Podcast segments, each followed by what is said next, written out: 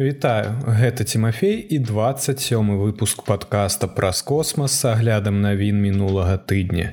Сёння раскажу пра эпічны палёт старship, 50 палёт інжынюаці, пра наса, якое плануе пабудаваць некалькі баз на месяцы, пра месяцовыя планы Китая і іншым. Давайте пачынаць.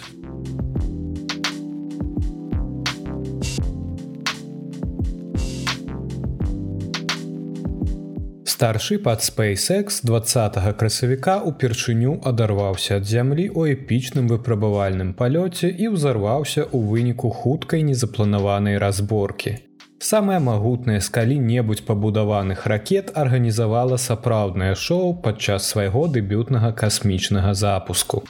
З магутным ровам першая ў свеце інтэграваная ракета старship узляцела ў космас з прыморскай касмічнай базы SpaceX на пляжы бока Чка на ўзбярэжжа мексіканскага заліва ў паўднёвым Техасе ў 1333 па Грынвічы або ў 833 раніцы па мясцовым техасскім часе.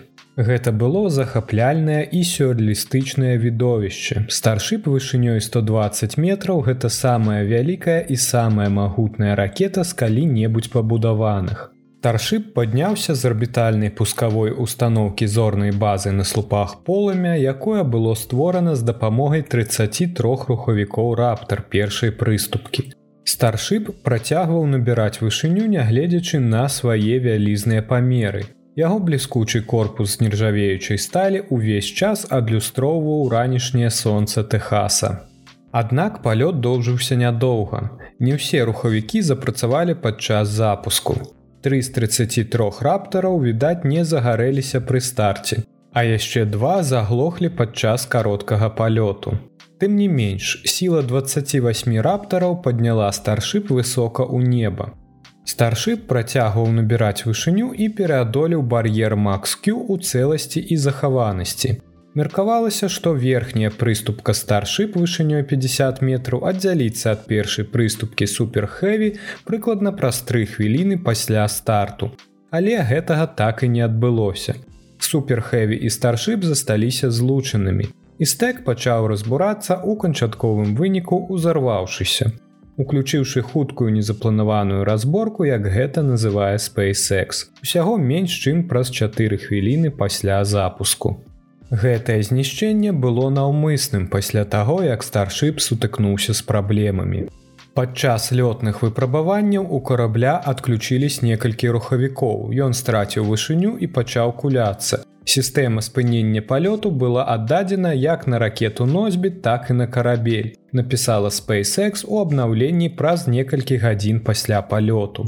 На дадзены момант адной з магчымых прычын можа быць выбухнуўшы блок кіравання гідраўлічнай сілавой установкі, што магло прывесці да страты кіравання і наступнага кручэння. Ужо ў наступным пакаленні гідраўліку замянілі на электрапрывады. Але супрацоўнікі, якія сабраліся ў штаб-кватэры SpaceX у Хаўторні штат Каліфорнія, каб паглядзець запуск, сустрэлі выбух старship масавымі апладысментамі, адзначаючы поспехі пры першым у гісторыі старце. Гіганцкі карабель дасягнуў максімальнай вышыні каля 39 кіламетраў паводле дадзеных веб-трансляцыі запуску SpaceX. Зайсці так далёка гэта цудоўна, сказала Кейт Тайс са SpaceX падчас веб-трансляцыі. Это была другая спроба SpaceX запусціць старship.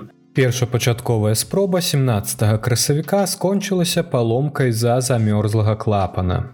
План палёту прадугледжваў вяртанне суперхэві на зямлю ў мексіканскам заліве прыкладна праз 8 хвілін пасля пачатку палёта. Тым часам верхняя прыступка павінна была запусціць свае шэсць раптараў, каб падняцца і здзейсніць частковае вандраванне вакол нашай планеты. Мэта складалася ў тым, каб падняць старship на максімальную вышыню каля 233 кіламетраў, а затым вярнуць яго ў атмасферу зямлі для выпрабавальнага ўваходу атмасферу, які скончыўся б цвёрдым правадненнем у ціхам акіяне недалёка ад гавайскіх выспаў прыкладна праз 90 хвілін пасля старту. Аднак SpaceX не чакала, што ўсё атрымаецца. Новыя ракеты часта церпяць няўдачу пры першых выпрабавальных палётах. А старшып нашмат смялей і складаней, чым большасць пускавых установак. Хутчэй за ўсё палёт 20 красавіка быў прысвечаны збору дадзеных і рэагаванню на тое, што ў канчатковым выніку адбылося, падкрэслілі прадстаўнікі кампаніі. Гэта быў тэст распрацоўкі. Гэта першы выпрабавальны палёт старшып і мэта складаецца ў тым, каб сабраць дадзеныя і, як мы сказалі, ачысціць пляцоўку і зноў падрыхтавацца да палёту. Сказаў галоўны інжынер SpaceX па інтэграцыі Джон Інспукер падчас прамой трансляцыі. Таму вы ніколі не ведаеце дакладна, што адбудзецца. Але як мы і абяцалі, хваляванне гарантаваныя. І старшып даў нам даволі эфектны канец таго, што было сапраўды неверагодным выпрабаваннем, дадаў ён. Сотні гледачоў радаваліся на пляжы, назіраючы за ўзлётам гіганцкай ракеты. Днём раней многія з іх сапраўды уважліва разглядзелі старшып, выехаўшы на пляж бока Чкан па пад'язной дарозе, якая праходзіць уздоўж стартавай пляцоўкі. Там яны стаялі на пяску і захапляліся ракетай. Некаторыя смажылі хот-догі на грылі цёплым вясновым вечарам. Ілон Маск даўно падкрэсліваў, што заснаваў SpaceX яшчэ ў 2002 годзе ў першую чаргу для таго, каб дапамагчы чалавецтву каланізаваць Марс. Прадпрымальнік мільярдэр лічыць, што старшып гэта сродак, які нарэшце дазволіць гэта зрабіць. SpaceX ужо некаторы час працуе над транспартнай сістэмай для далёкага космасу. Маск прадставіў базавую архітэктуру яшчэ ў 2016 годзе, назваўшы яе міжпланетнай транспартнай сістэмай. Праз год назва была зменена на BFR, скарачэнне ад Big Falcon Rocket. Затым BFR ператварыўся ў старшып, назву якую ён носіць ужо некалькі гадоў. Старшып складаецца з гіганцкай ракеты носьбіта першай прыступкі пад назвай суперхэві і верхняй прыступкі старшып, што збівае з панталыку. Абодва прызначаны для шматразовага выкарыстання, што з'яўляецца ключавым прарывам, які на думку маска нарэшце зробіць чырвоную планету даступнай. Два элемента старшып, якія былі запущены 20 красавіка, гэта прататып бустер 7 суперхэві і шып 24 не збіраліся зноў лётаць. SpaceX не планавала паднімаць іх з мора, калі б яны прывадніліся туды па плане. Новы рухавік SpaceX Раптор працуе на вадкам метане і вадкім кіслародзе, камбінацыя якіх таксама абрана з улікам Марса. Абодва могуць быць зроблены на чырвонай планеце, што дазваляе старшып эфектыўна запускацца як з Марса, так і з зямлі. Маск мяркуе, што флаты зоркалётаў будуць лётаць некалькі разоў на дзень на зямлі іх звыш цяжкія паскаральнікі будуць вяртацца непасрэдна да стартавай усталёўкі пасля кожнага старту для хуткай праверкі да запраўкі і паўторнага запуску. Па словах маска такое шырокае паўторнае выкарыстанне тэарэтычна можа зменшыць кошт кожнай місіі старшып усяго да некалькіх мільёнаў даляраў. Гэты кошт быў бы сапраўды рэвалюцыйным, улічваючы магутнасць старшып, Ён зможа паднімаць 150 тонн на каляземную арбіту ў кожнай місіі ў шматразовай канфігурацыі паводле старонкі спецыфікацыі старшып. 33 раптар суперхэві развіваюць каля 16 з паловай мільёнаў тонн цягі на старце. Гэта амаль у два разы больш, чым у папярэдняга рэкардсмена мегаракеты NASA Space Launch System, якая ўпершыню паднялася ў паветра летась у лістападзе падчас месяцовай місіі місіі Атэміс-1. Да 20 красавіка SpaceX запускала толькі некалькі выпрабавальных палётаў са Starbase.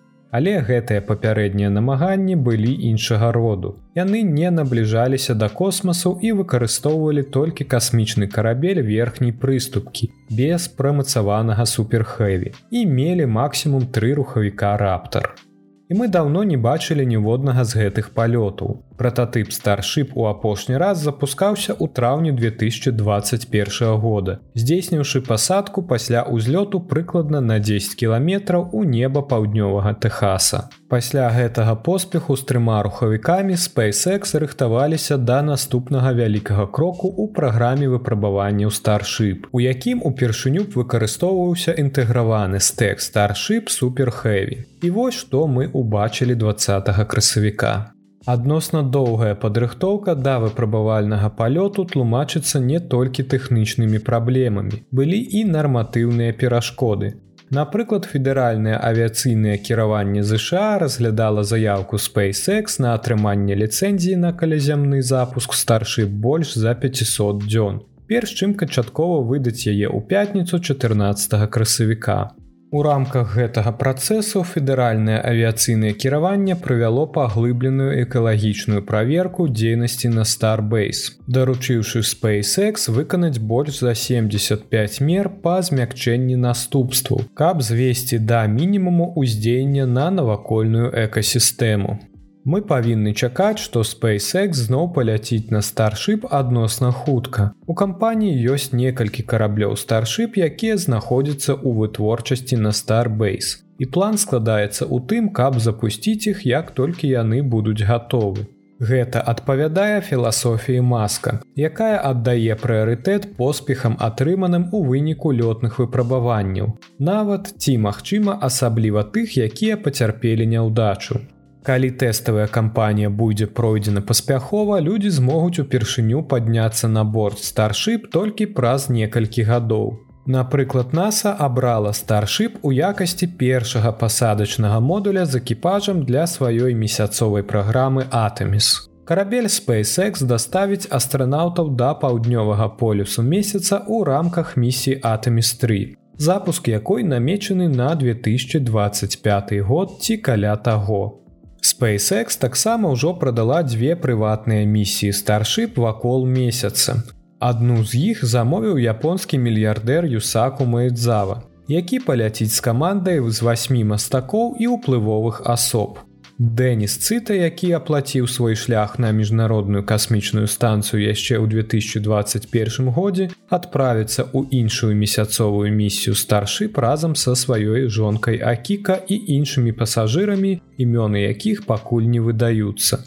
Мэтавыя дату запуску гэтых двух прыватных месяцовых місій яшчэ не абвешчаны але яны і ўсе іншыя меркаваныя будучыя палёты старшып сталі крыху бліжэй да рэальнасці два красавіка, калі велізарны карабель адарваўся ад зямлі. Я яшчэ раз хочу сказаць, што самым вялікім поспехам было наогул падняцца наверх. Няўдача ж адразу на стартавай пляцоўцы была б сур'ёзным расчараваннем, асабліва калі яна прывяла да выбуху, які разбурыў гіганцкую арбітальную пускавую вежу зорнай базы. Верагодна, гэта быў бы адзін вынік, якога SpaceX спадзявалася пазбегнуць. Паколькі гэта значна замарудзіла б іх працу на пляцоўцы ў паўднёвым Тэхасе. Гэта была захапляльная падзея і зараз пяройдзем да іншых навін.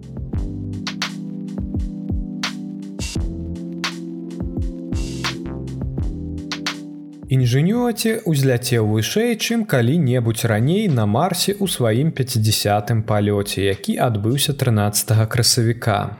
Першапачаткова разлічаны ўсяго на 5 марсіянскіх вылетаў інжынюаці дасягнуў свайго 50 палёту, здзейсніўшы 146 секундны палёт, падчас якога ён падняўся на 18 метраў над паверхняй чырвонай планеты. Гэта вышэй, чым калі-небудзь. Беспілотнік працягвае сваё эпічнае падарожжа на марсе, выступаючы ў якасці разведчыка місіі персеверанс і тэсціруючы ключавыя тэхналогіі, якія могуць дапамагчы вярнуць узоры з чырвонай планеты ў бліжэйшыя гады ў рамках праграму пошуку жыцця на марсе.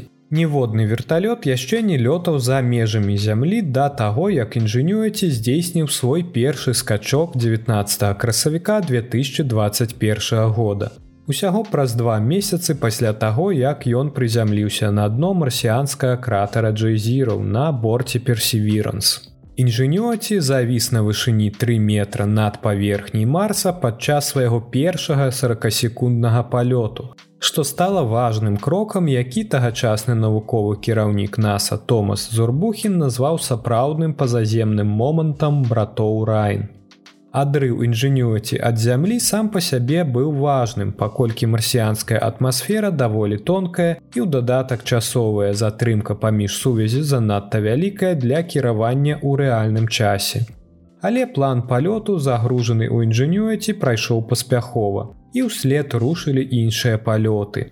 Інжынёці зараз служыць выведнікам для персеверанс, паколькі дуэт даследуе дельту старажытнай ракі на дне марсіянскага кратера Джзіру. Больш затое акцэнт змяшчаецца на адпрацоўку аперацыі камандную працу і праектныя рашэнні.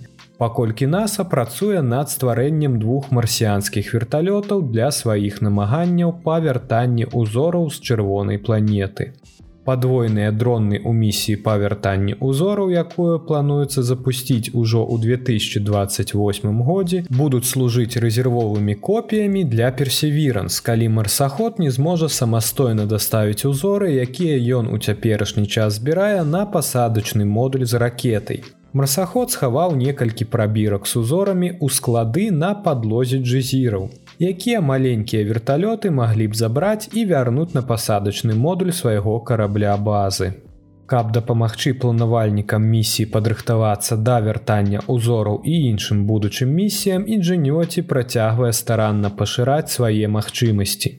Новая магчымасць змякчэння наступстваў, дадзеная ў нядаўным абнаўленні праграмнага забеспячэння, дазваляе роботу выбіраць уласную зону пасадкі, калі ён лічыць зону па ўзмаўчанні занадта камяністай або небяспечнай.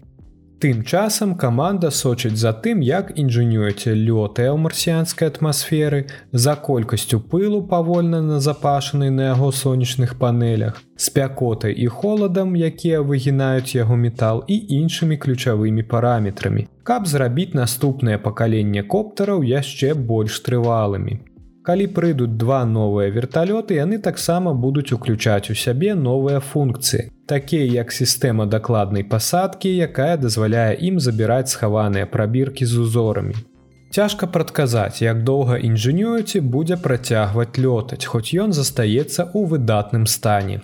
Адзінымі расходнымі матэрыяламі, якія патэнцыйна абмяжоўваюць жыццё, з'яўляюцца амартызатары для ног, прызначаныя для змякчэння кожнай пасадкі але іх страта не абавязкова азначае канец. Паколькі траекторыі палёту могуць быць адаптаваныя для дасягнення мягкага прызямлення. Літыённыя батарэі інжынюці застаюцца ў межах прыкладна 5 мілівольт ад неабходнага. Сонечныя панелі застаюцца адносна чыстымі, дзякуючы пастаянным палётам.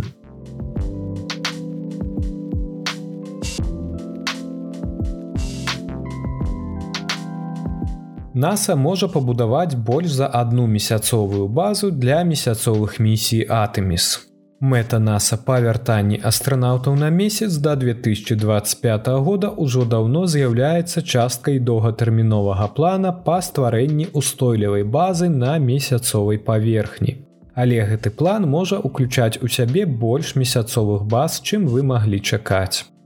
Джифры, намеснік адміністратара NASAа па распрацоўцы даследчых сістэм, заявіў у панядзелак 17 красавіка, што праграма агенства Атэміс можа ў канчатковым выніку пабудаваць некалькі баз вакол месяца замест аднаго базавага лагера Атэміс на паўднёвым полюсе месяца, як было прадстаўлена ў 2020 годзе. Вельмі складана сказаць, што ў нас будзе адзін базавы лагер, сказаў фры журналістам на брыфінгу на 38 касмічным сімпозіуме. Таму што калі мы прапусцім акно запуску, нам магчыма давядзецца чакаць каля 30 дзён, каб вярнуцца да гэтага месца.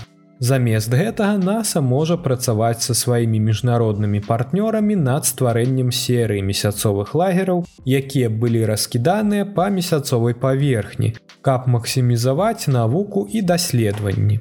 Агенцтва па словах фры вывучае ці не лепш выкарыстоўваць размеркаваны падыход з некалькімі месяцовымі базамі. У тым ліку некаторыя з іх, якія патэнцыйна могуць быць прадстаўлены міжнароднымі партнёрамі, такімі як еўрапейскае касмічнае агенцтва Канада або Японіі, якія ўсе падпісаліся ў якасці партнёраў праграмы Атэміс. Базавы лагер NASAа Атэміс прадугледжвае стварэнне асноўнай месяцовай базы на паўднёвым полюсе месяца, магчыма, у кратары Шэклтана, які ўжо даўно знаходзіцца ў спісе кандыдатаў агенства для даследавання ў рамках місіі Атэміс, паколькі вядома, што ў яго зацінённых абласцях змешчаны лёд. База будзе служыць цэнтрам для пасадкі на месяц атамі з экіпажам і падтрымліваць каманду з чатырох астранаўтаў на працягу тыдня. Згодна з планам базавага лагера асяроддзе пражывання будзе ўключаць энергетычную інфраструктуру, радыяцыйную абарону, аб'екты для выдалення адходаў і пасадачную пляцоўку для экіпажаў. Тут таксама будзе знаходзіцца месяцаход, на якім астранаўты змогуць аб'язджаць месяц.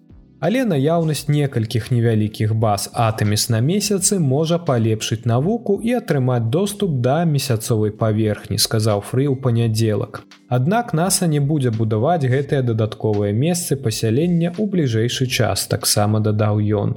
Па меры развіцця больш працяглых і маштабных місій NASAа спадзяецца адправіць месяцаходы для астранаўтаў Атэміс, каб іх вандроўкі на месяцы пачыналіся з негерметычнага месяцахода і сканчваліся герметычным транспартным сродкам, падобным на грузавік. Японскае касмічнае агенцтва аб'ядналася з Тойота для стварэння такога месяцовага грузавіка. Гаворка ідзе пра пазнейшыя місіі, такія як атаміс 7, 8 і 9, дзе таксама будзе разгледжана магчымасць дадання сталага жылля на паверхню месяца.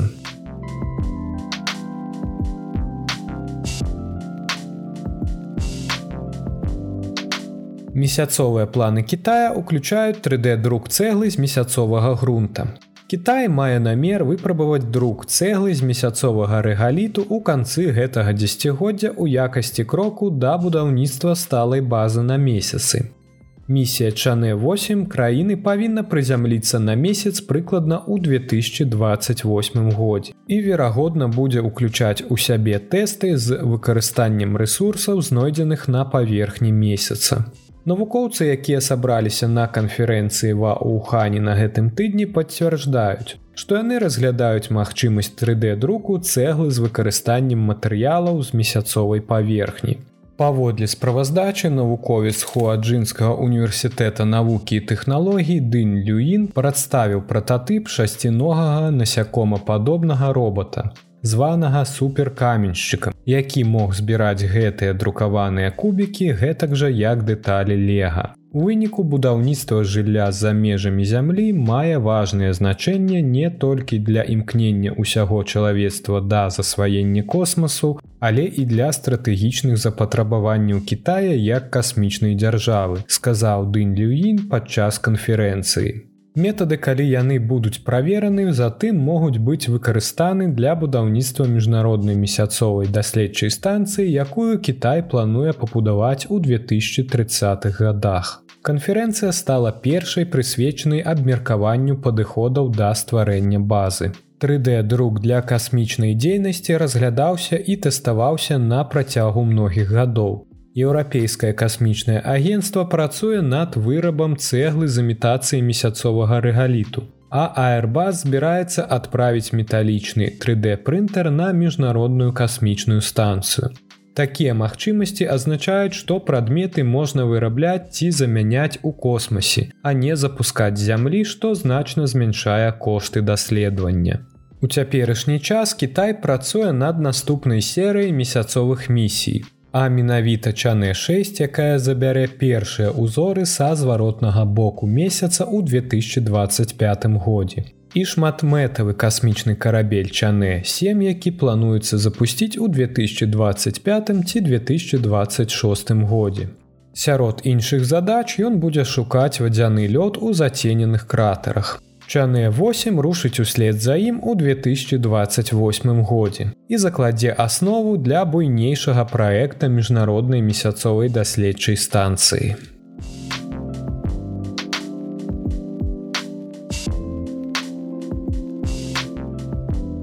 І гэта ўсе навіны, пра якія я хацеў расказаць вам у выпуску. Цяпер пагаворым аб падзеях наступнага тыдня. 25 красавіка SpaceX з дапамогай Falалcon 9 запусціць партыю спадарожнікаў Starлін для сваёй высокахуткаснай інтэрнэт-групоўкі на нізкай калязямной арбіце. Больш цікавы запуск нас чакае 26 красавіка. SpaceX Falалcon Heavy збіраецца адправіць на арбіту спадарожнік шыракапалоснай сувязі Viasat 3 у якасці першага спадарожніка, які складаецца з трох частак. Гэты запуск ужо шмат разоў пераносіўся. Ракета SpaceX Falалcon Heavy адна з самых магутных ракет носьбітаў. Вы можете памятаць яе па запуску чырвонага аўтамабіля Тесла. Акно запуску з 23 34 26 красавіка па 0018 хвілін 27 красавіка па Грынвічы. 28 красавіка Space Falcon 9 запусціць другую партыю шырокапалосных інтэрнэт-спадарожнікаў O3BM Power на сярэднюю калязямную арбіту для SES Люксембурга. Спадарожнікі пабудаваныя Боинг будуць аказваць інтэрнэт-паслугі большай частцы насельных пунктаў свету, абапіраючыся на сетку SES O3B. Ракета носьбіт першай прыступкі Falалcon 9 прызямліцца на беспілотны карабель у атлантычным акіяне. 26 красавіка у 5 гадзін 28 хвілін раніцы па беларускім часе або ў 2 гадзіны 18 хвілін па грынвічы месяц будзе побач з марсам у сузорый двайнят. Назіраць за марсам можна ўвечары гэтага ж дня неўзброеным вокам. Метэорны поток лірыт адбываецца штогод 16 па 25 красавіка, а яго пік прыпадае на ноч 22 красавіка 2023 года. Сёлета спрыяльныя магчымасці для назірання. Як і ў выпадку з большасцю метэорных потокаў пікавы час назірання будзе перад світанкам. Але лірыды стануць бачнымі прыкладна ў 22:30 па мясцовым часе. Сярэдні поток лірыт вырабляе ад 15 до 20 метэораў у гадзіну. Метэоры лірыды гэта маленькія кавалачкі каметы Тэтчер. Метэорны дождж узнікае, калі зямля перасякае шлях каметы, сутыкаючыся са шлейфам каметных крошак. Вось чаму яны адбываюцца прыкладна ў адзін і той жа час кожны год.